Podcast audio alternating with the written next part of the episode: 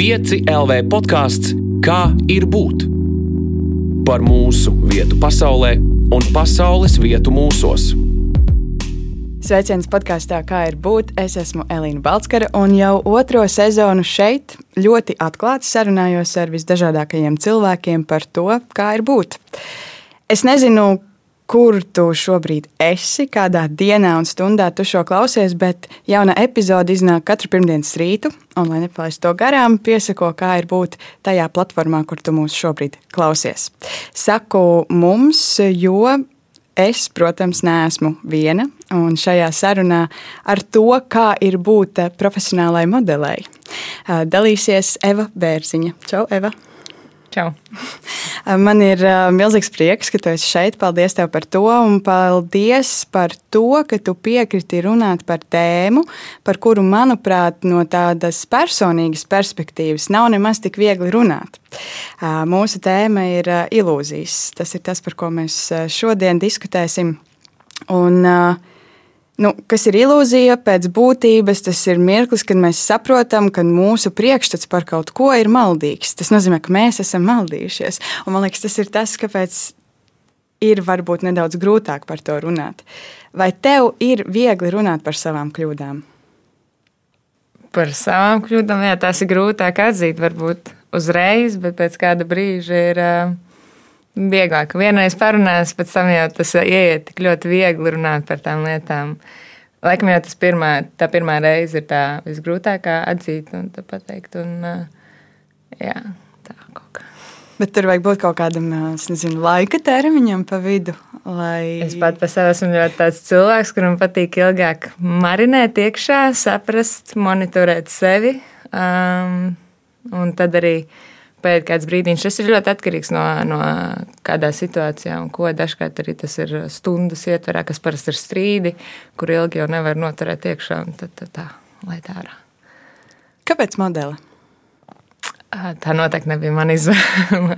tā pilnībā nebija mana izvēle. Tas uh, sākās laikam, kad man bija 11 gadi, un es biju Pilnīgākais pašpuika man vispār vienmēr ceļojumos, kad mēs braucām ar tautas dejām, visās bildēs, māma knipsē to bildi, un es pagriežos otrādi tikai, lai man nevarētu redzēt, jo man ļoti nepatīk šī tā kā, kas tāds ir. Un te beigās es man uzrunāja uz Kintā Budē. Es sāku tur, un vecāki tur visu vasaru mēģināja kaut kā mani pierunāt, pielauzt, bet tas es Laikam tas atslēgas vārds bija, nu, ja tev ir iespēja, ne visiem ir tāda iespēja, pamēģini, nu, ko iztaisnos vismaz muguru, ļaus vismaz mums sevi nobildēt. Un tā arī tas aizgāja. Un pēc tam kaut kā vairāk piedāvājumu no citām aģentūrām. Un, un cik nu es jau pati daudz neko neatceros, man ir kaut kāds spilgti brīži. Un tu jau pats esi bērns, tu klausies, ko tev vecāki saka darīt. Viņi jau domā par tavu nākotni. Un, un tad tā kaut kā beigās es nonācu laikam 14 gados. Man uz ielas noskautoja, nu, tur visādi kanāli izgāja cauri un viss saslēdzās pasaulē. Un uz ielas man noskatoja Nils Rāmans, kas ir Dendī modeļa aģentūras īpašnieks. Un, un tad vienkārši kaut kā viss aizgāja. Es nezinu, man tas. Es to ar tādu vieglumu uztvēru, ka vienkārši tas ir jādara, jo tu saki, tu jūties ok, kaut kur nejūties ok. Tā, Vienkārši tu dari, tāpēc, ka tas ir tavs, es nezinu, nu, tāpat tas, ka skolā tev pasaka, ej uz skolu, un tu to dari. Un tu esi bērns un neko neapzinājies tajā brīdī. Un, bet, tā kā pienāk kaut kādi pirmie tie ceļojumi, tad jau no tevis prasa, lai tu esi pieaugušais, tad jau nezini, kā tas būtu. Nu, man šeit tieši, tieši tas pats ir arī profesionāliem sportistiem un nu, tādiem dziedātājiem vai kaut kam tādam. Tad tev skaidrs, ka tu esi pieaugušāks nekā patiesībā esi. Bet, jā, es pat neizvēlējos to modelēšanos. Tas sākās ar to, ka man vecāki vienkārši gribēja, lai. Bet bija taču viens brīdis, tomēr, nu, kad tev bija jāpieņem arī sava izvēle. Skaidrs, ka sākumā tas sākās tā, kā tu stāstīji, bet nu, arī skolā jā, pienāk brīdis, kad tu saproti, hmm, bet tas arī var bastot.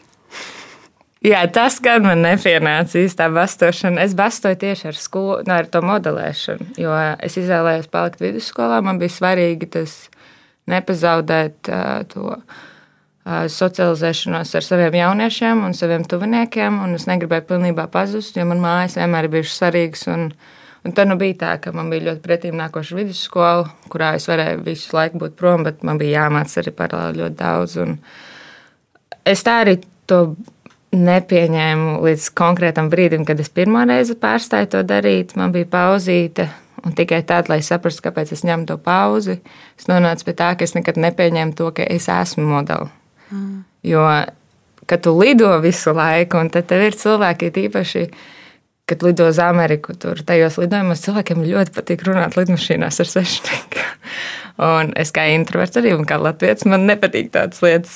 Es izvairos. Un, bet tev jātā, ko daru. Un es nekad neteicu, ka esmu modelis, jo tas ir tieši tie stereotipi, ko visi iedomājas. Es vienmēr teicu, apmaiņas students vai kaut ko, kaut ko citu, vai kaut kā tādu. Tāpēc, jā, nu, es tikai tagad esmu apzināts. Tagad es varu pateikt, jā, es agrāk ļoti daudz to darīju, tagad es ik pa laikam to daru. Un tā ir daļa no manis, jo tā ir daļa no manis. Jo tad, kad mēs kā cilvēki formējamies, tieši augam kā personības no 15 gadiem, nu, agrāk, kad tā pubertāte tur sākas, tad arī jā, tad, tad, tā, tā paliek par daļu no tevis. Tagad tā ir tik ļoti neatņemama sastāvdaļa no manas dzīves, ka es nevarētu iedomāties, ka es pateiktu, ka nē, es vispār to nekad nedarītu. Man patīk. Beig, beigās man tiešām patīk tas. Jā, interesanti. Tev ir uh, svaigi 24, un tas nozīmē, ka principā lielāku savas dzīves daļu tu to esi darījusi nekā to nedarījusi. Ne? Un, ja mēs vēl ņemam vērā kaut kādu apzinātā vecuma iestāšanos, nu, pirmos dzīves gadus, nu, droši vien neatceries kaut kā, tas nozīmē, ka apzinātais vecums tur vēl tā proporcija vēl vairāk palielinās. Bet uh, tu teici par stereotipiem un uh, priekšstatiem.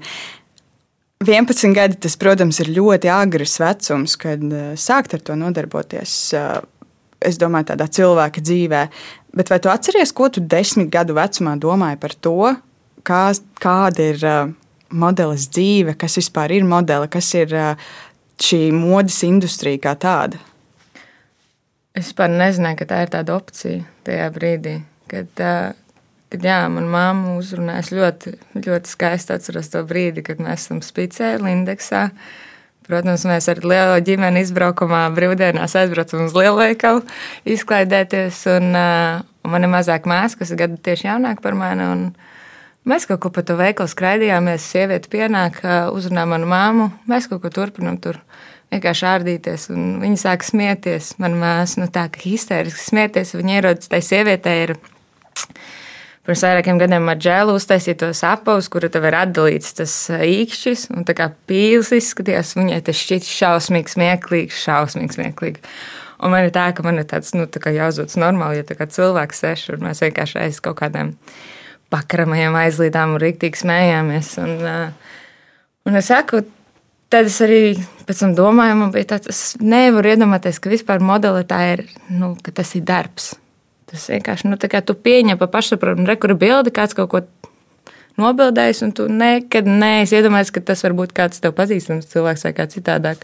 Ja vien tas nav slavenības tur vai kaut kā tā. Un, Nē, man, es nekad arī to sākumā, kad gāju budē, es to neredzēju kā darbu. Man šķiet, tas ir vienkārši nu, kaut ko, ko tu dari.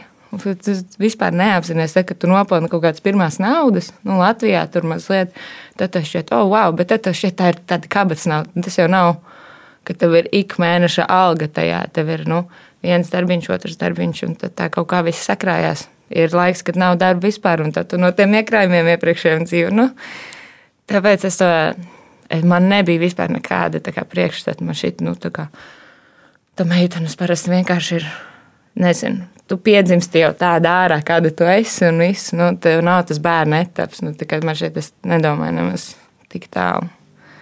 Jā, man nebija nekāda uzsvera. Man šķiet, ka manam vecākiem bija vairāk kaut kas sadomāts nekā man. ja tas, kas mani, protams, interesē šīs tēmas kontekstā, ir, vai tev bija kaut kādas ilūzijas attiecībā pret uh, to, kas tevi sagaida nākotnē, bet uh, Es pilnībā pieļauju, ka tu vienkārši ļāvies tajā brīdī un tu iepazini to pasauli bez tādām lielām expectācijām vai, vai idejām par to, kā būs. Bet varbūt tu zini, un tu nojauti, un tu noteikti arī strādā ar, ar citām modelēm, un, un tajā industrijā iekšā. Kāds ir sabiedrības priekšstats par šo industriju? Vai tur ir kādas ilūzijas. Protams, jā.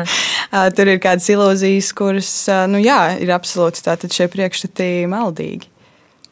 Jā, jā, noteikti. Un kādā brīdī arī sāka parādīties, nu, ka tu, jo ilgāk tu tur esi, jo vairāk tu skaties, tu skaties, kā tās lielās meitenes tev apkārt tur kaut kā čubinās un darās, un ko viņas runā, un cik viņas ļoti uz āru ir ekstravertākas vairāk. Un, un arī tik daudz, cik viņa tā būdē, tev nav tikai tur visu laiku jāsteigā, vai ne? Tu, tu arī mācījies, un tad tu skaties filmas, un no tā man radās kaut kāda priekšstats, un man vienmēr tas šķits mazliet tāds, nu, nu tur ir tāda ļoti, ļoti tā kā dieva līnija, kur pārkāpt, lai, nu, jebkurā situācijā var notikt vienmēr tā, tāpat tās kā pilnmēnesī, vienmēr jebkas var notikt, tad tas arī tur, un, uh, nu, tajā brīdī, kad tu apzinājies vairāk to, kā tu sāc izskatīties, un to, ka, ah, jā, tu pat vari neskatīties tik ļoti pēc mazas puisīša, kad sāk izskatīties pēc, nu, paldies vecākiem, smuks meitenes.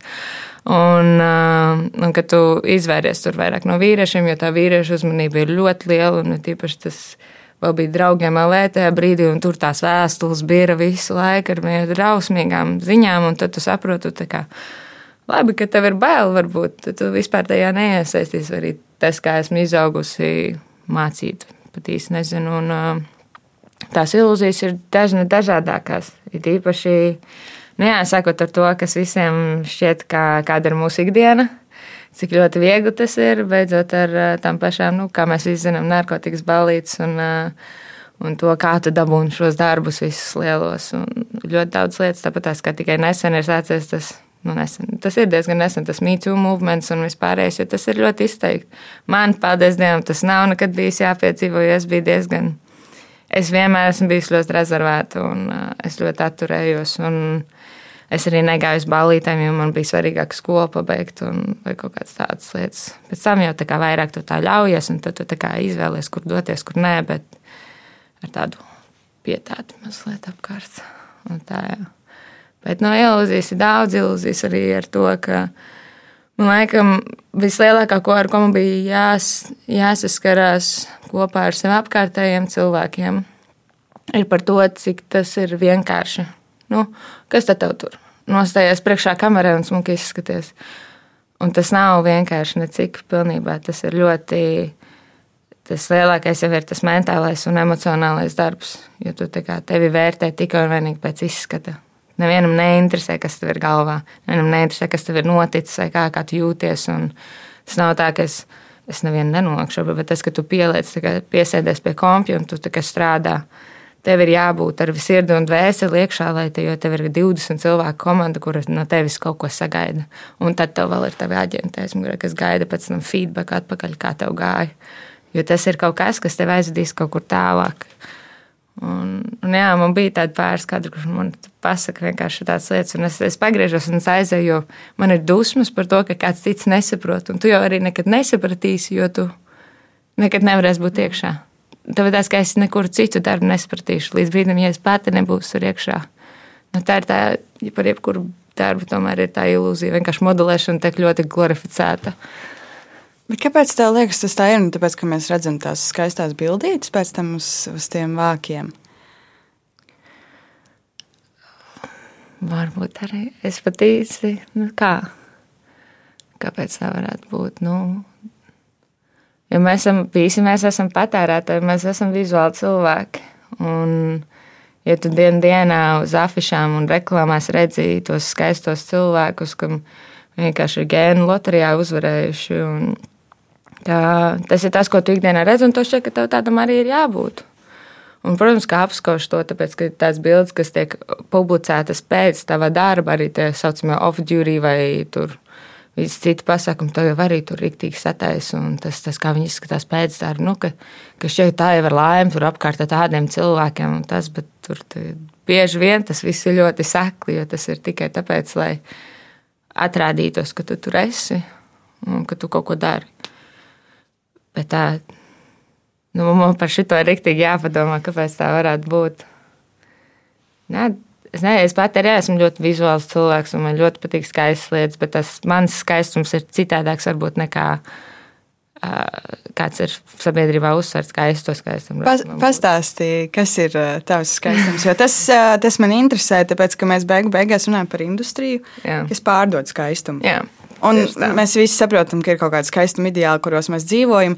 Tu patiesībā Uh, es neapvainoju tevi absolūti šobrīd, bet tu esi daļa no šīs industrijas. Loģiski, jā, jā, tieši tā. Un tu, tu piedalies šo skaistumu ideālu veidošanā jā. kaut kādā daļā. Tieši tā. Tieši tā. Un tāpēc man ļoti interesē, kas ir tavs skaistums. Mm -hmm. Tavs evas, nevis tavs industrijas. Jā, jā, jā. Tā, ko es vēlēs arī pieminēt par to, ka tas bija arī viens no iemesliem, ar ko es nevarēju īsti sadzīvot, par to, ka es esmu tik ļoti pret tam, ka, nu, ka tu vienkārši ļoti kā konvejers ej ar tām skaistām meitenēm, bet es esmu daļa no tā, es ar to pelnu naudu sev iztiku. Ka, bet es esmu priekšplānā ar to, un ka tev vienkārši ir miedi, nu, vienkārši nestrādā, nestrādā šis. Tāpēc man bieži vien bija ļoti grūti strādāt tajā visā. Uh, Bet mans skaistums man ir, es nezinu, man ir kaut kāds, kas viss, kas nāk no iekšas. Kā cilvēks paskatās, kā pasmēja tās kustības katram, tik ļoti individuāli, un tu katrā lietā var saskatīt to skaistumu. Un, bildēs ir daudz grūtāk nolasīt tādas lietas, bet ir cilvēkam ļoti sanāk. Un, tas vienkārši to kaut kā parāda. Man patīk, ka vienkārši nav bezpersoniski, ka tu zini, ka arī, kad tu strādā kā komandā, tu aizbrauc uz darbu, ka tas ir vairāk tāds Um, Ne jau tas, ka ah, kārtējā dienā ir jāstrādā, kārtējā dienā 50 lūki, tev ir jābildē, un pēc tam pēc dienas viņi jau to būs mājaslapā ielikt, tur pāris kustības, un tā vai nākamais. Bet, ka tiešām, nu, tev ir tāds, ok, nu, vēl viena darba diena, nu, un vai uztaisim kaut kādu, nu, foršāku to dienu vismaz. Um, un tas ir, tas pēc tam to var redzēt arī bildēs, ka tas nav vienkārši statiski uztaisīts kā, kā kaut kāds. Nu, jā, man, jā, bet arī izskata ziņā, nu, arī diezgan konk ne, ne konkrēts skaistums, bet uh, tur ir. Nu, man šķiet, ka vienmēr tas nāk no iekšas kaut kāds. Kaut kas iznāk ārā, kaut kas paspīd vairāk. Um, un uh, kaut kāda tā pazemība, bet ne pārāk izteikti pazemība, bet pazemība un kaut kāda novērtēšana. Un to jau bieži var redzēt ar kaut kādiem žestiem. Un, un tikai nav. Varbūt tāpēc, ka es pati neesmu ļoti skaļš cilvēks, nu, tāds, kuram patīk tā uzmanība ļoti izteikti, bet uh, Man patīk, ka ir rezervētāki un nemēģina to uzmanību caur tādu kliekšanu un bļaušanu dabūt. Bet tas ir arī tikai tas, kā es to redzu. Es gan uzskatu, varbūt no tās puses ir daudz foršāk un jautrāk. Bet, bet kā tev liekas, vai katrā cilvēkā, nu, vai visi cilvēki ir skaisti? Jā, un nē. Jā, nē. es tagad esmu reizes vienkārši nedroši. Es iedomājos ļoti, ļoti otru galēju, kur ir kāds nu, sadis arī mazīs. Nu, tā kā mhm. tiešām cilvēks, kurš seriālos, kur tur redz tos trakos. Nu, tas skaistums, tu vari ieraudzīt kaut ko, bet ja tev ir tik tāds netīrs tur viss, tad uh, es jau gribu ticēt, ka katrā ir kaut kāds skaistums un ka katrā ir. Vienkārši cik ļoti mēs patiesībā dodam iespēju un ļaujam savam ego tajā brīdī salūst, lai uh, otram ļautu izpausties. Jo bieži nu, mums visiem ir tās maskas kaut kādas, kādas ir. Un, uh, un bieži vien mēs to skaistumu nemaz neizlaižam ārā, jo mums ir kaut kāds sabiedrības tas uzspiestais normas, kā ir jāuzvedās. Kā tev liekas, kā mēs varam palīdzēt tiem, kuriem liekas, ka viņi nav skaisti? Tas ir traks jautājums. Man tieši nesen pajautāja, nu, Eva, kā tev ir ar pašpārliecinātību? Tu tā kā modeli un es tādu. Tā vadās kā visiem pārējiem. Nu, tas nā, nav, nu, nav ļoti izteikti. Es neesmu pašpārliecināta par sevi. Ir brīži, kur es esmu. Un tas ir laikam tajos brīžos, kad tu zini, ka tev ir vairāk informācijas par kaut kādām lietām. Bet tur, es domāju, tas nāk kaut kā ar laiku, tas nāk caur pieredzēm. Un, jo vairāk tu būsi atvērtāks tam, lai arī tu kļūdītos, tad arī tā pašpārliecinātība nāks. Un tas skaistums arī. Jo man šķiet, tā, tā, tas, tas brīdis ir tieši tā kļūdīšanās, jo man pašai ir ļoti baigi kļūdīties. Es esmu tāds perfekcionists uz to aizēju, un, ja tu kļūdies, tu šausti sevi visu laiku, vai ne? Un, uh, Un tad es mācos ļauties sev kļūdīties. Un, tā. un tad arī varbūt arī no turienes tas. Es nezinu, man šeit Man ilgi atnāca līdz pats sapratu, ka esmu skaista. Nu, es pasakos tiešām saviem vecākiem, bet man arī. Esmu ļoti strādājis ar to, lai es sevi pati neuztvertu kā, kā tādu, nu, kā man jau ir tikai skaistums. Nu, tas ilgi gāja, līdz es sapratu, ka man pateica, bet tev, labi, tev ir iedots arī tas skaistums, vai ne? No vecākiem, no vēl senčiem un vispārējais, bet tu jau arī katru dienu aktīvi strādā ar to, lai tu pali, nu, paliktu, bet nu, uzturētu, vai tu gulītu, vai tur pareizi, tu sportu. Nu, viss, kaut kā tās ādas kopšanas, viss. Un tas, jau, tas jau notika tā, ir, ka tev iedeva, un tas ir talants, skaistums. Nē, no tev vajag tāpat kā jebkurš talants, tas ir jāizkopj. Jo bieži vien mēs esam redzējuši skaistu cilvēku, kuri nu, pēc tam jau tā kā, kas tur paliek. Tu paredzi, redzi pēc tam, ka tur iekšā nekas skaists nemaz nav. Un tad bija tikai skaistums ārpusē. Un ko tu, tā kā tu paliksi vecs? Tajā komībā jau nē, tur bija tieši labs, tieši citāts par šo. Tu paliksi vecs, nu, kā, kas tad mēs visi paliksim krunkaini un nesmuki. Nu, es nesaku, ka nesmuki, bet. Nu, krunkaini. krunkaini, nu, ka tas nav vairs tā, ka tu paskaties, oh, wow, vai ne? Mm. Bet tas beigās svarīgākais tomēr ir tas skaistums, kas tev ir iekšā. Ko darīs 80 gados, ja mēs tik ilgi nocīmēsim. Bet tā, 80. Nu, kas tad paliks? Nu, nekas daudz. Tāpēc. Bet ir vien, viena lieta, ir tā ilūzija par kaut kādu skaistumu. Un, ko mēs tikko runājām, ka mums ir kaut kāda skaistuma ideāla, mēs saprotam to, ka nu, tās ir muļķības kaut kādā mērā, vai ne? Bet uh, otrs, man liekas, ir uh, kaut kādā mērā arī ilūzija par to, cik liela nozīme ir šim skaistuma ideālam, respektīvi, cik daudz mūsu dzīvē nosaka skaistums. Nu, pieņasim, es ticu, ka ir cilvēki, kas skatās uz tevi, un kā tu teici, Anna, bet viņi ir skaisti, viņiem viss ir viss ok, vai ne?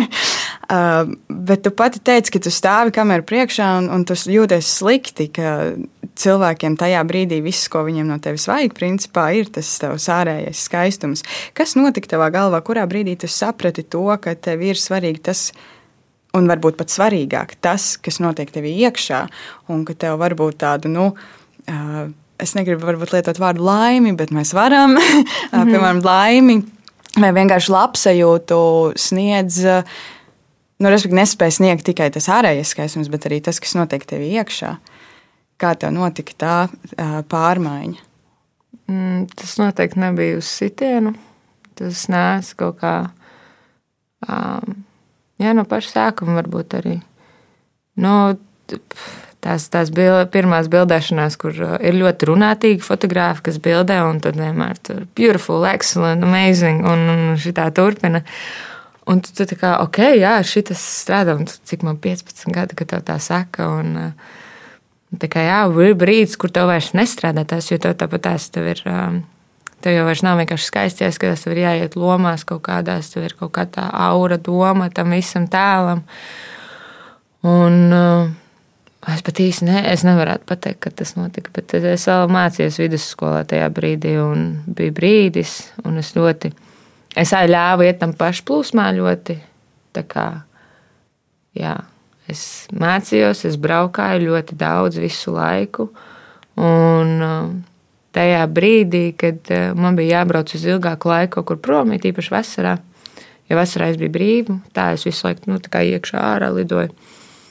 Un tad tu ļoti daudz laika pavadi viens. Un uh, izklaidē pats sevi, tur ne, 16, 17. Un, uh, un tad arī saproti, nu, kā, ka, ko tev dod vairāk. Tas, nu, labi, tu esi baigi forši atbrauc uz Ņujorku uz mēnesi. Dzīvoties, staigā apkārt pa kastingiem, bildējies. Uh, kādi darbi un kaut kas tāds. Un beigu beigās tu atnāc mājās un tu, tu esi vienkārši izsūkts. Protams, tu būsi izsūkts no visādiem fiziskiem darbiem un tā, bet beigu beigās jau jābūt kaut kādam atpakaļējušai saitē, ka tu jūties gandarīts. Vienīgais man gandarījums bija tas, ka iznāca tās bildes, un mani vecāki bija priecīgi, un aģenti bija priecīgi. Es pat arī, o, forši, vajag ielikt it kā Instagramā, vai ne? Jo tas ir daļa no tava darba. Sākumā jau forši, bet tas bija tāds ļoti tāda impulsīvā laime, nu, impulsīva, bet instant. Tā kā tāda. Jā. uh, Uzreiz tāda ātrā reakcija. tā.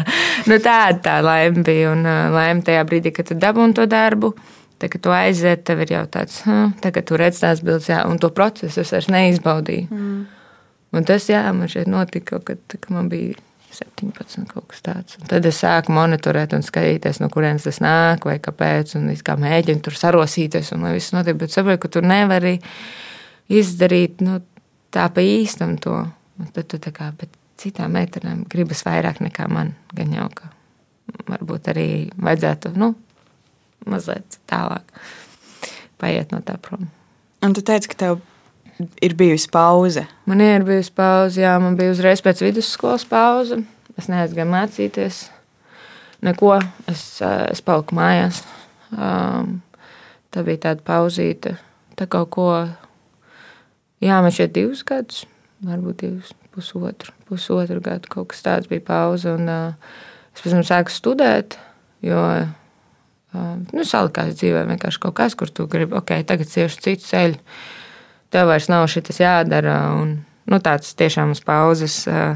Vienmēr kaut kāda trauksme nāca virsū, ka tu sāc to darīt, vai arī tev šķiet, ka kāds kaut ko parunās. Jo, zini, kā tev bija tik labs sākums, un tagad tu vairs nestrādā. Un, nu, ka vienmēr būs tie jautājumi, un man ļoti nepatīk tie jautājumi. Ļoti man šķiet, kāpēc jūs nevarat tā kā Nejautā. Es zinu, ka jūs gribat man parunāt, bet nejautāju. jo tu tev pašam tā kā uzreiz sarosās. Un es sāku studēt, es nomācījos vienu gadu. Un, un tā kaut kā man tik ļoti pietrūka tas viss, un man salikās zvaigznes vai kā, ka var tā kā aiziet brauc. Un man atkal aizgāja vienkārši uz augšu, pilnībā, nu, rīktīgi forši. Man arī šķiet, no tajā brīdī pats, kā man patīk, kā man patīk. Un augusts ir visklusākais modes pasaulē. Tas ir vienīgais kā, apmēram mēnesis, kad neviens nestrādā katru dienu. Un, un tad arī es atbraucu uz mājām, uz kaut ko biju, biju. Un tad bija jādodas tālāk. Un pēc tās pauzes vairs nebija atkal tas. Es biju pabijusi mājās ar tādu, tādu gandarījumu un tādu prieku, tik fantastiski vasarā mājās. Un, Un, jā, un tā pēkšņi aizbrauc atpakaļ uz Ņujorku, varbūt nedabūnu to darbu, kas bija domāts, ka tu dabūsi, kas tev būtu pavērsts tā pilnībā lielās pasaules. Un tad tu arī sāki domāt, nu, un kādi citi gribēja vairāk, vai arī es negribēju pietiekami daudz, es nenoticēju sev, es nestrādāju pietiekami daudz. Tad sācis ar šķausīt, un nāk apakaļ tās domas, un tad ir tāds pats. Nu, atkal tu ieej tajā lūpā, tu biji tik, tikko labi saņēmies, ka tu izbaudi to. Un no tā brīža apmēram es tā ik pa laikam kaut ko padaru. Es nevaru to visu laiku darīt, jo tas man, no manis paņem ļoti lielu emocionālo un fizisko enerģiju. Uh, un tad man liekas, ka ilgāk pagaidīt. Un tad uh, ir forši. Man ļoti patīk, tagad, ka, ir, ka es ik pa laikam kaut ko padaru. Vairāk nē. Mm. Un vēl, vēl viens jautājums tieši par tām skaistuma ilūzijām un, un to, cik liela daļa tā ir no mūsu dzīves. Skatoties, ok, tikko bija par tevi. Mm -hmm. Tu tagad skaties uz sabiedrību un to, ko sabiedrība mm -hmm. domā par skaistumu un skaistumu lomu mūsu dzīvēm, cik tam ir liela nozīme. Kā tu to vērtē? Vai mēs esam kā sabiedrība pārvērtējuši skaistumu nozīmi. Mums ir kaut kāda ilūzija par to, ka, nu, nezinu, ja man būtu šī trīs kg mazāk, vai ja man būtu šī bišķiņa citādāk, tur tā žoka līnija, nu, tad es būtu laimīgs. Jā, jā, noteikti. Tas ļoti tiek glorificēts, tīpaši mūsdienās ar visiem sociālajiem tīkliem. Tāpēc man arī, nu jā, es. Uh, tā ir. Es arī pati, es jau pati uz sevi arī skatos apmēram negatīvi. Tur, tur, tur, tur tas nav labi. Es būtu laimīgāka, ja es izskatītos tā un tā. Bet tā nav.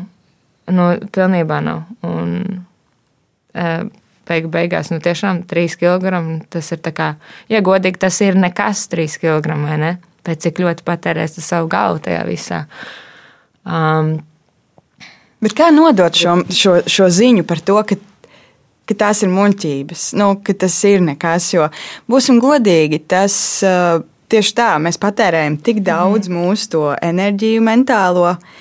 Un iedomājies arī, nu, es domāju par jauniem cilvēkiem, it īpaši, kad vēl viss nu, ļoti rūp, ļoti rūp, ko, ko par mani domā tas, tas, tas, tas. tas tas var iebraukt tādā milzīgā mentālā cīņā, bedrē, ka tu vienkārši patērē nenormāli daudz enerģijas, eh, domājot par to, cik tev ir kilograms šur vai tur. Nu, kā pateikt, ka nu, viens, nu, tas nav tā vērts? Manuprāt, ļoti daudz cilvēku cenšas šo izdarīt, bet beigu beigās tas ir tikai iekšā. Nu, es, varu, es varu teikt, ko es varu teikt, kā, kas man strādā vai nestrādā. Es cik reizes esmu klausījusies no citiem, ko man saka, un tad ir tāds, jā, šī tas strādās. Tas nav līdz ko tu pats iekšā to neizdomā tā, ka tiešām ar tiem trim kilogramiem, kā ir, ir fantastiski labi tad, tad tas nemainīsies. Es varētu teikt, tas varētu sludināt jebko, ko es gribētu, bet tas nestrādās līdz tam brīdim, kad tu pats to neapzināsies. Un, arī tie paši sociālie tīkli. Nu, te, tas ir vēlams, vienkārši tas ir traks. Man pašai ir grūti tur būt. Un, es neskatos ļoti daudz cilvēku, un man vispār ir ļoti maz tādu, kur um, jā, katra varbūt bilde ir tieši tas, kā tu izskaties. Un, un tas manā, manā galvā tas nesiet kopā, ja tu ļoti uh, esi body positivity, bet te pašā laikā ļoti visu laiku liec sevi. Jo te pašā laikā, nu, te pašā laikā tas ir tāds uh, nu, ego barošana. Un, Bet vēlams ir sociālai tīkli vai vēlams ir cilvēki, kas tas, kā mēs viņu izmantojam. Tā jau tas, kas tur iekšā notiek, pats par sevi nav. Mm. Bet uh, te, kad es atceros, ka es sāku, Instagrams tik, tikko bija parādījies, tik, tikko. Un, man bija, man bija ikons uztaisīts, un es zinu, viņi teica, ka baigi forši, ja tu kaut ko ieliksi, bet tas nebija svarīgi. Pirmā sezona viss forši, otrajā sezonā tā parādījās arī visas tās, tās skandalas. Viņas tieši nākamajā sezonā parādījās, un es atceros, kā mēs visas pārējās, kuras tur riktīgi iet cauri visam. Un viņas dabūja tos šovus, un, un bez rindām, bez visam tam marazmam, kad tev jāiet cauri tie kastingi trīs dienas, pa diviem, nak divos naktī tev ir jāiet uz fittingiem, un tur ir viss tev sešos no rīta cēlies, ka tu esi trīs stundas gulējis, matus rauj, vis, visiem ir vienalga par to, kā tu jūties, un tad viņi ieripo savās, nezinu, tur, ka viņi nes bez mazai, un tu, jo viņa ir, nu, viņa ir lielāka meitene. Nu, es nezinu, viņa pat nav neko darījusi vēl, bet. Uh, Un tad arī tie sociāli mēdīji sāk kāpt augšā, ka viņiem bija tik svarīgi, ka tev mums bija tās kartiņas, kas tev, nu, kā tavas vizītkartes, bet tur tev bildu parametri. Un vienā brīdī viņi sāk likt savu Instagram kontu virsū, un cik tev ir sekotāji. Jo tu neesi īsti modelis, tev no desmit sekotāju, desmit tūkstoši sekotāju. Tikai es arī neskatos pēc profesionāls modelis, kas. Uh, nu, tas man šķiet tajā brīdī, jā, nu vienmēr jau ir bijis arī pirms tam, ka tas skaistums um, tiek glorificēts un par to, ka vienmēr visi sevi salīdzina. Bet man šķiet, tas, ka tie sociālai mēdīji tik ļoti ir izšāvušies ārā. Un, uh, tieši uz to ar visiem influenceriem tas jau nav slikti. Es nesaku tā, bet uh, tas, ka, tas, kā mēs to izmantojam. Un es ļoti bieži arī, nu, cik es zinu un cik es dzirdu, ka tie arī, kuri visu laiku liek bildes ar sevi, viņi tāpat tās viņiem arī ir grūti. Un beig, beigās pats tik daudz, tu pats arī sev visu laiku šausti, bet tu to pat tās turpini sludināt. Un es vienkārši to nesaprotu, līdz manai galvai tas galīgi neaiziet. Un man ir bijušas reizes, kur vienkārši es biju ļoti spītīga ar saviem aģentiem, un man bija tā, ka es to nedarīšu, es to nedarīšu, ne, ejiet, ieskrieties. Un jā, bija kaut kā citādāk. Ar mani bija grūti strādāt. Ar mani tiešām bija grūti. Es pateicos visiem saviem aģentiem, kā, ka mani izturēja. Bet tas ir. Baigi dūli, tas, ko saki par, tiem, par to sakotāju skaitu sociālajos tīklos, mm -hmm. jo mēs arī šeit podkāstā esam iepriekš ļoti daudz runājuši par tieši to, kā mēs sadalām to realitāti, ka mēs bieži vien uztveram, oh, šitā, te, kur mēs te sēžam un runājam, ir mūsu tā realitāte, realitāte, un tad tur telefonā ir kaut kāda cita realitāte. It kā virtuāli, it kā atrauta, jā, tur ir kaut kādas atsauces, protams, uz to, kur mēs dzīvojam, bet tas ir kaut kas cits. Kaut gan patiesībā tā ir pilnīgi un vēl pēc tam ļoti liela daļa no tās mūsu šīs realitātes. Ja apstāties, ja tev nav tajā realitātē desmit tūkstoši sekotāji, tad tu vari šajā fiziskajā realitātē strādāt, cik tu gribi. Cik labi, ja, bet vienkārši nedabūtu mm -hmm. darbiņu tikai tāpēc, ka tev ir mazāk sekotāji. Mm -hmm. Tas ir. Es tam nepiekrītu par tām realitātēm. Ir man draugi, kur nav. Un tad viņi stāsta, tu kaut ko darīji. Tā, jā, jā, es redzēju, tam un tam tur. Un viņi tā, ah, jā, pareizi, Instagrams. Un, un tas vienkārši, wow, wow kā mēs strādājam šobrīd. Mm. Tas ir tiešām. Man arī bija darbi ļoti daudz, kur uh, es, uh, es aizdoju, un viņa man iet cauri manam Instagram. Mēs gribam šitā. Reku tev, šī ir perfekta bilde, tam mums vajag šī tāda. Un tā, ko es nezinu, mājās kaut kur, kas man ir uzbildējis nejauši nu, ka tas jau tev paliek tiešām tāda vizītkarte vai kaut kas tāds. Nē, nē, es arī apstājos tev Instagram. No. Pirms, pirms tam nāc. Tas ir primāri. Es pat arī kāds cilvēks kaut kur paņēma man tāds Instagrams. Tas ir, tā ir tava vizītkarte. Jā. Un tas ļoti parāda. Un tad tur aizslēgts konts man tāds, nu, un ko tu tur slēpi? ko tu tur slēpi? Bet, jā, nu, katram tā ir sava izvēle. Tas ir tā. Jā, šis ir, šis ir interesanti. Uh, bet uh, joprojām par ilūzijām. Jā. Jo mēs vairāk kārt esam runājuši par to, kā, kāda tā ilūzija ir. Tad tu saproti vispār, ka tā ir ilūzija. Jo šis ir arī labs jautājums. Kā tev liekas? Uh, ja mēs atgriežamies pie tā mūsu ilūzijām, mēs te runājam par to, ka mums viņas ir un kā mēs saprotam, ka hei, tas ir pilnīgi citādi nekā kaut kas, ko mēs esam iedomājušies. Uh, Kas ir tas modinātāja pulkstenis, kā tev liekas, kā var pamosties no ilūzijām? Jo droši vien mēs sākumā to saucam vienkārši par mūsu priekšstatu, bet kad, kas ir tas modinātāja pulkstenis, kad mēs saprotam, tas nav tā, tā, tas nav, tā ir ilūzija. Es esmu dzīvojis ilūzijā par kaut ko. Tā, tas ir vispārnētais jautājums, vai ne? Jo Protams. es pirms modes pasaulē tā nevaru, bet pret cilvēkiem. Jā, tas pat dzīvi. Cilvēkiem, nu, tā ir jānotiek kaut kādai traģēdijai vai kaut kam tiešām sliktam. Nu, tikai tad Jo es bieži vien, es ļoti daudziem cilvēkiem saku, jums ir ilūzija par mani. Jo man ir bieži vien ilūzija par citiem. Es jau esmu, es jau dzīvoju ar to, ka man ir tās ilūzijas ļoti daudz, un citiem ir par mani. Tāpēc es gaidu to brīdi, vispār sagaidu trīs mēnešus, tīpaši ar no jebkuru jaunu cilvēku vai arī ar jaunu darbu. Tas, tas, tas rush, kas ir sākumā, ka tu neredzi skaidri Nu, tā kā tu jau vari iemīlēt, tā ir tā iemīlēšanās, tas, tā aizraušanās. Um, nu, paiet laiks, un tad ir tad, tomēr tas vairs nerada tādu pašu sajūtu kā pirms tam. Un, jā, Nu, Pagaidā, šis ir tāds raks. Jā, tas tāds tā kā rozā brilles attiecībā jā. uz nu, vienkārši nevis tikai partneri vai tam līdzīgi, bet attiecībā reāli uz dzīvi, uz jā. dažādām lietām. Arī par citu pieņemsim, iedomājieties, o, cik tev ir foršs darbs, ne? Tu satiec mm. cilvēkus, un tu runājies, un, un tad es iedomājos, es pat es iedomājos, rīktīgi forši, es nevarētu būt tavā vietā.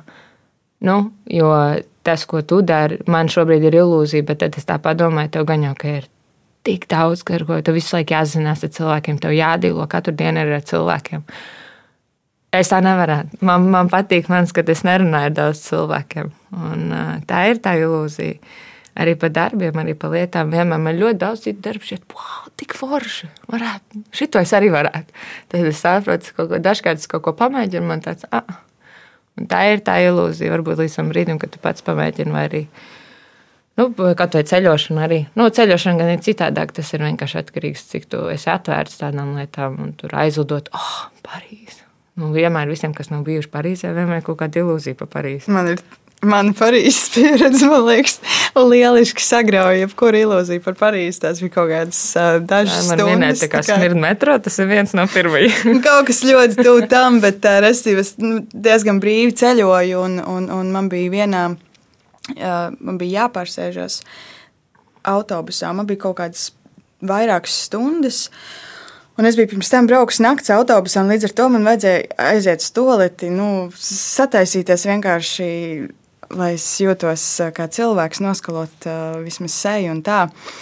Un es ieeju tajā toaletē, kas ir vienkārši pilnīgi viss aprakstīts no, no galvas līdz kājām, no griestiem līdz zemē. Viss ir smirdīgs, uh, netīrs un, un, un salauzts. Un, un man pirmā Parīzes pieredze. Tā skaistā Parīze. Tas iesi tur nāsīs tā, ka palika uz visu mūžu. Pilnīgi noteikti. Bet nē, tā ir ļoti, ļoti netīra, netīra pilsēta. Neslīdzinām ar Rīgu. Bet daudz, daudz ko. Man liekas, īstenībā ceļošana tu ļoti labi pieminēji. Man liekas, tur tiešām ir. Mums ir mm -hmm. a, arī ilūzijas vien par to, kāda ir Itālija ja, vai nezinu, Meksika vai pats pārējais. Esam saskatījušies filmas, mm -hmm. salasījušies grāmatas vai um, Instagram bildītas citu. Un, un, un iedomājamies, ka mēs tur sēdēsim un ēdīsim to pīci un vēl nezinu kā, bet neiedomājamies to, kas notiek aiz tā kadra vai ne. Mm -hmm. Tu neiedomājies to, ka tev būs gan jau, ka dienā jānoiet 30 tūkstoši soļu, būs 3-5 grādi ārā, tu būsi apdedzis pa ceļam, kaut kur noberzis šļopku vēl. Obligāti. jā, jā, jā, nepaņēmis kaut ko vēl. Un, tā jau beigās skaistā pīts, tiešām. Un tu jau atskatīsies, nā, nu bija forši, bet, nu, vai tu vēlreiz brauks? Mm. Bieži vien ir tā ilūzija. Nu, jā, mēs varam to ilūziju attiecināt uz pilnībā jebko, bet tas ir kaut kādā brīdī tu Jā, tu sadzīvo un saproti to, ka, o jā, par to man bija ilūzija, vai arī tu turpini dzīvot ilūzijā, vai, vai arī vēl trakāk, tu novēl uz otru, kā, vai nu, tu novēls uz Itāliju tagad to ilūziju, kā tik slikta, vai arī Parīzē, tu novēls to, bet tā jau ir tava vaina, ka tev bija tā ilūzija. Tas pats ir pat cilvēkiem, tas pats ir pat darbam, tas ir drausmas, nē, bet tas jau ir tava ilūzija par kaut ko. Tu nevari vainot to pie, pusi. pieņemt. Man liekas, it īpaši uz cilvēkiem šis liels skaties, ka mums ir ilūzija par, man piemēram, šobrīd veidojas ilūzija droši vien par to, kāda es tu, bet varbūt pēc trīs mēnešiem, ja es saprastu, vispār tu tāda nēsi. Jā. Un tad es, uh, es varētu teikt, ka tu esi slikta, varbūt, jā. ja. Bet patiesībā es varētu teikt, ka Elīna, varbūt tu vienkārši izveidoji ilūziju mm -hmm. par, uh, par Evu, un tu vari pieņemt to, kāda viņa patiesībā ir. Mm -hmm. Jo tas jau arī mums tā kā, šreks, mums ir sīpoliņš, un tad nāk ārā virskārtiņa vairāk, jo vairāk tu iepazīsti. Kad tev ir bijis tā, ka tu satiec cilvēku, un tāds kāds tev bija pirmais iespējas, vai ne, pēc trim mēnešiem vienmēr prasa, oh, tu vispār neesi tāds, kāda es tev iedomājos. Šādi es bieži esmu saņēmusi, jo es visiem šķiet ļoti iedomīga. Un man ir ok, jo tad vienkārši cilvēki nenāk. Es kā introverts tiešām esmu iemācījies būt ekstraverts, bet uh, man, man patīk uh, savi seši cilvēki, kas man ir. Un tur arī rotēt tā kā uz rīņķi. Grūti, grūti ir jauniem cilvēkiem. Un īpaši, ja kaut ko pēkšņi uzreiz sagaida. Man ir arī tieši bail no tām ilūzijām no jauniem cilvēkiem. Es zinu, ka es apzinos to, ka man var būt ilūzijas, bet vai kādam citam, vai tie var apzināties. Un, un tad tur ir tā, tad ir jāgaida. Nu, pagaid, pagaid. Varbūt vēlāk sapratīs. Tā. Tev ir uh, bail no tā, ka cilvēki tevi idealizē? Man ka viņi vilsies tevi? Man nav bail no tā, bet es zinu, ka tas notiks. Un es vienkārši es vairāk sargāju, lai viņiem nav tas, nu, mm.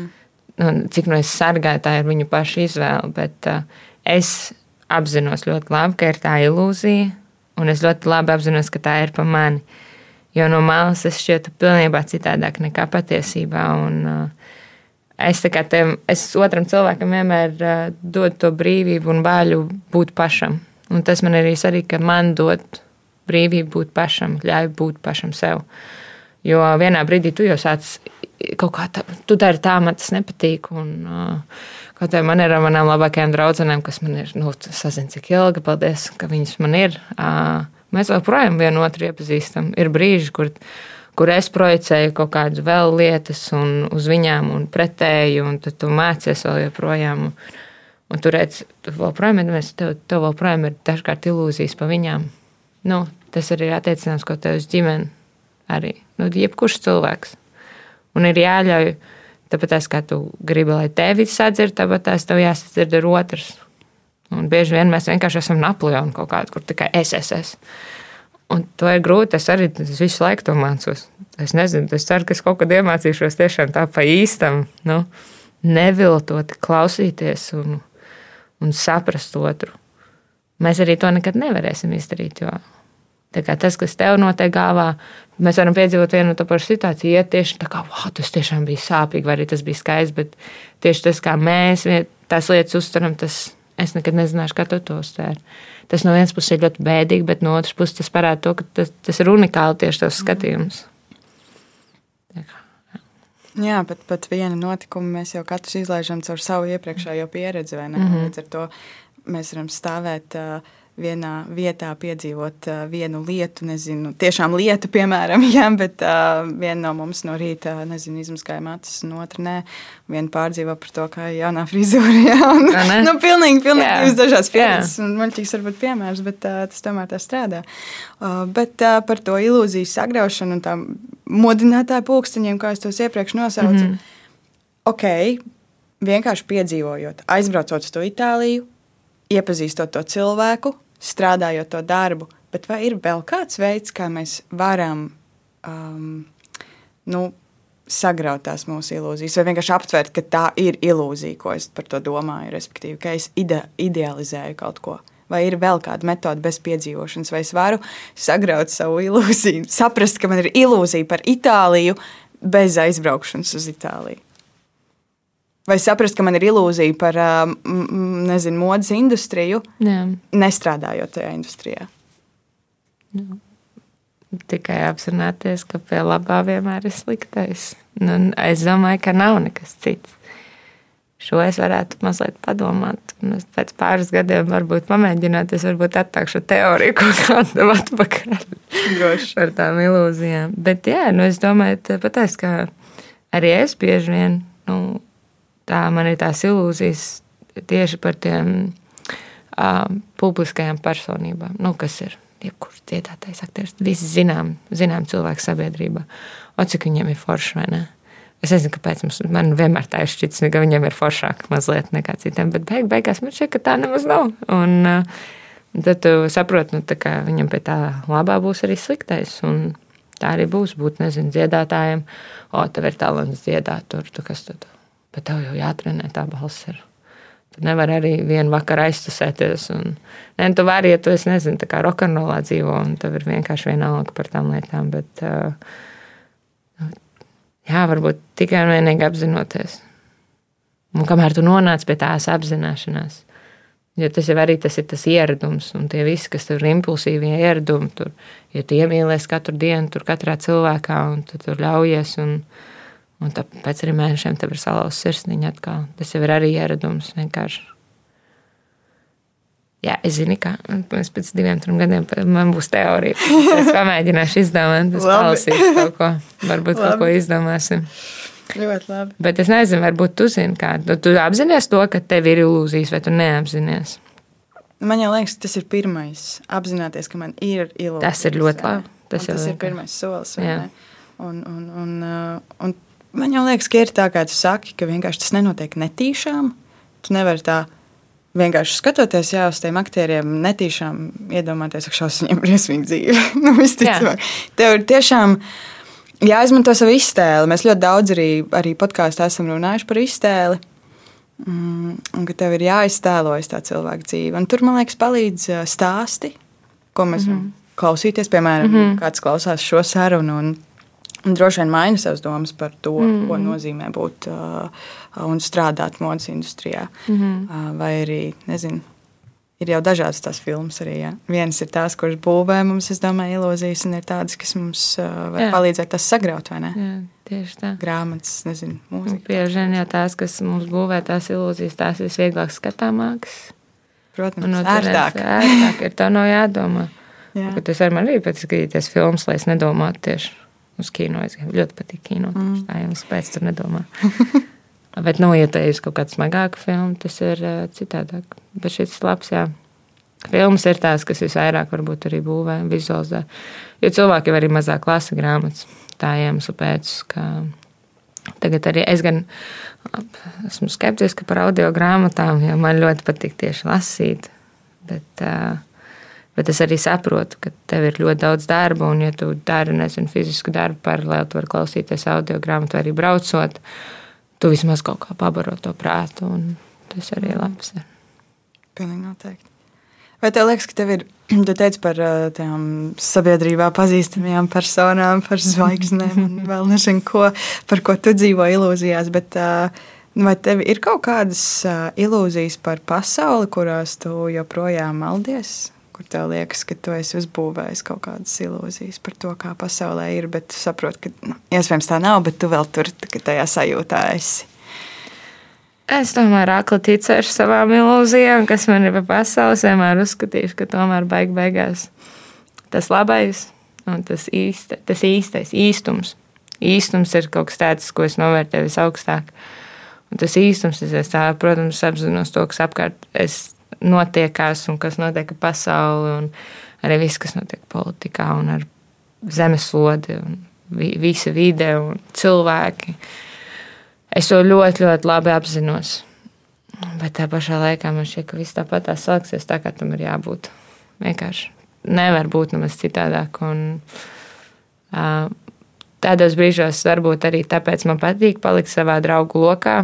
Bieži vien, nu, nē, esmu atvērta cilvēkiem, man ļoti patīk jauni cilvēki, jo vairāk cilvēku, jo vairāk viedokļu, interesanti uzzināt.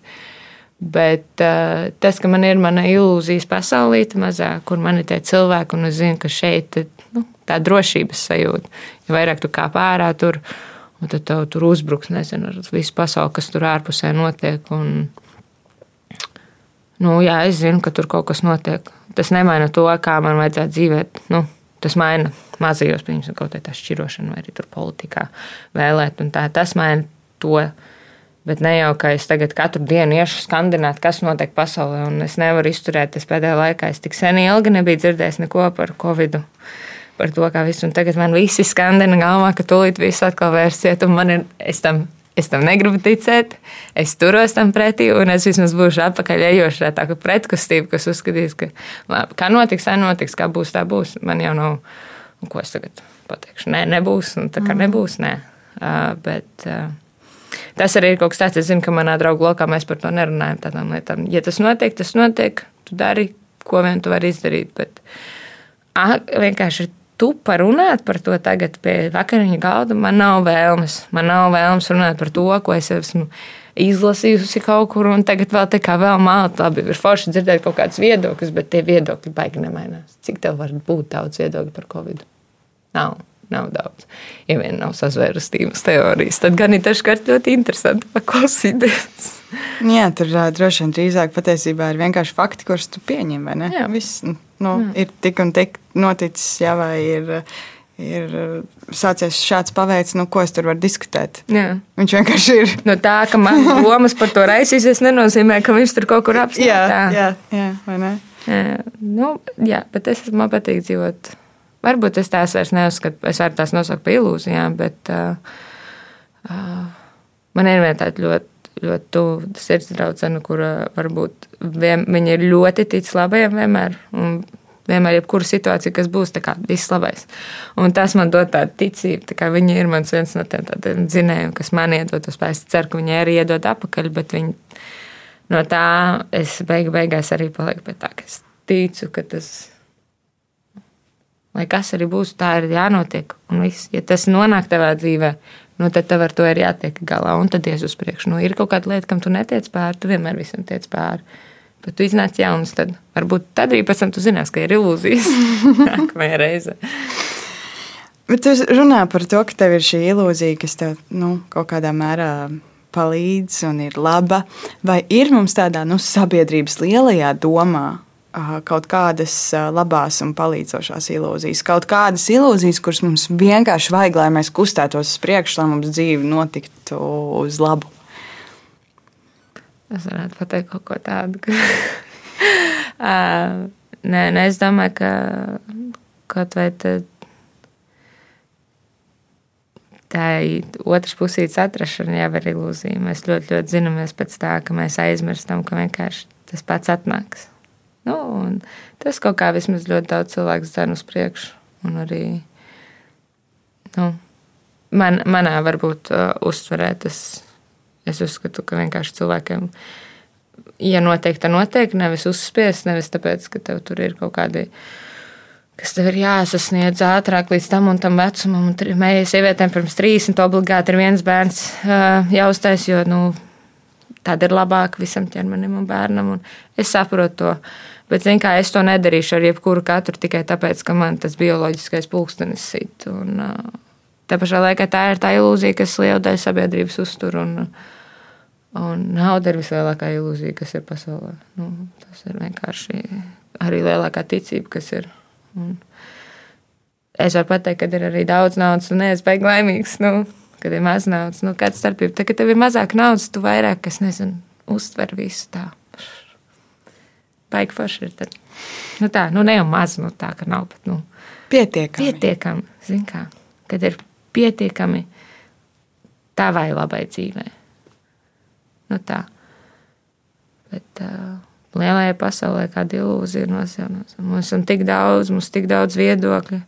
Paskaties, tagad kā jau es tik daudz viedokļu. Es nezinu, vai man ir kapacitātes vispār manai, manai galvai to visu. Viņu arī kādams nevajag. Ne? Nevajag Viss arī. nevajag. Bet es abrīnoju tos cilvēkus, kas visu, visu zina. Es ļoti abrīnoju. Viņi ieliek baigi daudz enerģijas tur. Nu, tas Tas droši vien prasa diezgan daudz. Jā. Tieši tā. Es varbūt gribētu, ka man būtu tā, ka es varētu vienai lietai tā pieķerties. Nu, redz, tagad es zināšu visu informāciju par to. Un... Jā, Bet tā jau arī ir tikai ilūzija, ka kāds zina visu, vai ne? jā, jā beig, beigās var pateikt vienu, tad kā. Oh. Mm. Bet uh, droši vien, tā vilšanās savā ilūzijās, sabiedrības ilūzi- ilūzijās, tad beigu beigās ir tāda nu, normāla izaugsmes kaut kāda sastāvdaļa. Jā, Vienkārši tā ir lieta, kurai mums katru dienu jāiet cauri. Kā Mm. citādi iepazīt, kā tad īsti ir, vai ne? jā, tieši tā. Nu, tā ir tā ilūzija, var tiešām saistīt ar tādu kļūdīšanos un augšanu. Un, nu, nu, galvenais tiešām neaiziet tajā ilūzijā, dzīvot tā, ka tev ir ilūzija, ilūzija, ilūzijās. Un tad tu tur dzīvo savā iekšā galvā. Un tev ir tomēr jāuztver viss apkārtējais, kas notiek. Un kā, un ir tīpaši citi cilvēki. Un ir tīpaši cik ļoti trausli mēs katrs esam, nevis tur. Nu, mēs visi varam būt bravūrīgi ķēniņi, vai ne? Bet uh, trauslums jau beigās ir tas, kas mums, mūsos katros ir. Un tās ilūzijas par katru. Nu, jā, tā ilūzija ir laba lieta, manuprāt. Nu, tā, tiešām. Pēc tam tu audz. Jā, tu tomēr nonāc tur, ka tu saproti, ka tā bija ilūzija. Mm. Viņi var ieteikt citos vārdos. Un kaut kad jau es ceru, ka izmācās no tā. Es ceru, ka es mācos no tā ļoti. Es tiešām- Izklausās, ka mācīs. Izklausās. Paldies, es varu izklausīties, ka es tam mācos. Bet es zinu, ka daudz var runāt, cik daudz Jā, jā. dari. Nē, man patiesībā man tiešām ļoti, ļoti arī uzrunāja tīri personīgi tas, ko tu teici tieši par to, kādu, ka tu apzinājies, ka tu veido citiem ilūziju par sevi. Gribot, negribot, nu, tā jau nav izvēle, vai ne? Mm. Cilvēki vienkārši veido viņu mm. automātiski. Un, un kā sadzīvot ar to, ka tu zini, ka cits cilvēks tev skatās caur tām ilūzijas brillēm, vai ne? Un, un cik tas ir sarežģīti. Um, Tas ir tāds. Tas laikam nāk no tā, ka tas viss, ko es padomāju par, nu, par situācijām vai citiem, es iedomājos, nu, citi gan jau arī tā padomāt. Un, ja man, man tā ir, tad otram arī var tā būt. Un tas vienmēr iet caur to, nu, tā kā tām prizmām, kā tu mēģini vienmēr iekāpt otru cilvēku kurpēs. Mm. Un Tas ir droši vien labi, ka kāpties karpēs. Bet uh, tuvojoties un principā noslēdzot sarunu, es, uh, kā jau teicu, meklēju tevi ne tikai Instagram, ja, arī internetā. Un es atradu vienkārši uh, tādā, tāpat nebija intervija. Tur vienkārši atbildēju kaut kādiem dažiem jautājumiem, bet 2014. gadā, tas ir pirms pieciem gadiem. Uh, un un uh, tu teici, ka tavs lielākais sapnis ir pēc uh, skolas absolvēšanas uh, doties um, ceļojumā pa Eiropu ar uh, draugiem. Vai tev tas izdevās? kurā intervijā es esmu tagad? Um, nu, tas ir man šī tāds sapnis, kas vienmēr visiem ir. Um, es atceros, tagad, par kuriem cilvēkiem es pat esmu runājis. Jā, mums bija tāds, tāds vidusskolas sākumā, kad es tik, tikko sāku ceļot. Nu, mums bija laba tāda draugu grupa tajā brīdī, tagad, kad mēs tur te, ar tiem puišiem mēs vairs nedraudzējamies. Bet uh, bija tāds, ka mēs tieši noskatījāmies uh, The Secret Life of Walter Miri. Viņa bija tik, tikko kino iznākusi. Man šķiet, jā, nu, pat tagad, kaut, nu, kaut kad tajā brīdī. Un, Par to man šeit arī runāja, ka gribējās tā kā nā, visi ieliksim. būs Nu, video un bija, visi. jo es domāju, vai tev bija tā ilūzija par to, ka tā notiks? vai- Zinu, ka tajā brīdī man ļoti daudz mainījās domas par to, ko es gribētu darīt, bet uh, vēl projām mainās. Bet es esmu, es esmu paceļos. Varbūt ne tieši tā, ka to Eiropu visu izbraukā, bet ar busiņus apceļos Skotiju. Visiem iesaka aizbraukt uz Skotiju. Tas ir elpu aizraujoši, tiešām fantastiski. Uh, Vai Skotijā pabija, tad uh, nu, visur ir izbraukāts viss kaut ko. Tas gan uh, tur Francija tīpaši. Francija ir labi, Francijā labi ir izbraukāts. Um, bet man ir sanācis ļoti reti ar draugiem kaut kur braukt, jo ir grūti ar tiem. Tas atvainojas no gaismām. Parasti šitā. Zini, kā man ir, man bildēšanās. Ar to saku iepriekš teicu, bet, kad man ir bildēšanās, man no šitām gaismām, eh, jo viņiem ir milzīgi prožektori, mm. un es sāku vienkārši žāvēties, un nevaru apsaukt, tev ir jābildē. Man ir tāds akons, un es kaunu sev daru, jo man no tām gaismām vienkārši gribās žāvēties. Un šeit ir tāda pustumsiņa tā. Bet tā viena gaisma, kas ir Tā viena gaisma, Bet labi, kas ir tavs ā, lielākais sapnis tagad? Tas bija tāds lielākais sapnis. Es nezinu, tu vari pats droši analizēt, cik liela ilūzija bija tā, ka tas ir tavs lielākais mm. sapnis. Bet uh, šodien. Vai tev atbild būtu tāda paša? Uh, nē, tāda pati vai? Nē. Man tie lielie sapņi tādi mazāk. Primāri jau ļoti labs. Es visiem novēlu ļoti labu miegu. Tā kā miegs ir svarīgs tiešām. Tas ir ļoti labi miegu un uh, lielais sapnis.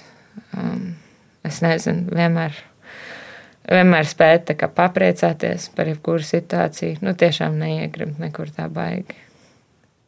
Ļauj par sevi pasmieties. Nu, ne tikai par citiem, bet par sevi un neuztver to dzīvi tik nopietni. Man ir tendence, es agrāk, tad, ja modelēšanas dzīvē, es ļoti dzīvi uztveru nopietni un visu tas, ko es darīju. Un vajadzēja arī, bet tagad es tā mazliet viegli, ne, ne nepareizi viegli prātīgi, bet tā viegli prātīgi. Kā arī, protams, es vēlos savu autoparku ar ļoti daudz vecām mašīnām. Man ir plāns, cik pēc pieciem gadiem nopirkt sev jaunu tādu 30 gadīgu vecu mašīnu, un uh, tad autoparks pieskriešu katru dienu pēc zeķiem. ļoti patīk vecas mašīnas, kas vecākas par mani. Tā kā, tā kā tas ir mans lielais sapnis. Varbūt. Es, es gan domāju, šis gan nemainīsies, bet autoparks, jā. Jā, noteikti. Lieliski. Paldies, tev, liels, Eva, par sarunu. Un paldies arī tev, ka tu klausījies. Un mēs tiekamies jau nākamajā nedēļā, jaunā epizodē. Jā, Paldies! Paldies! Liels! Tā! Čau!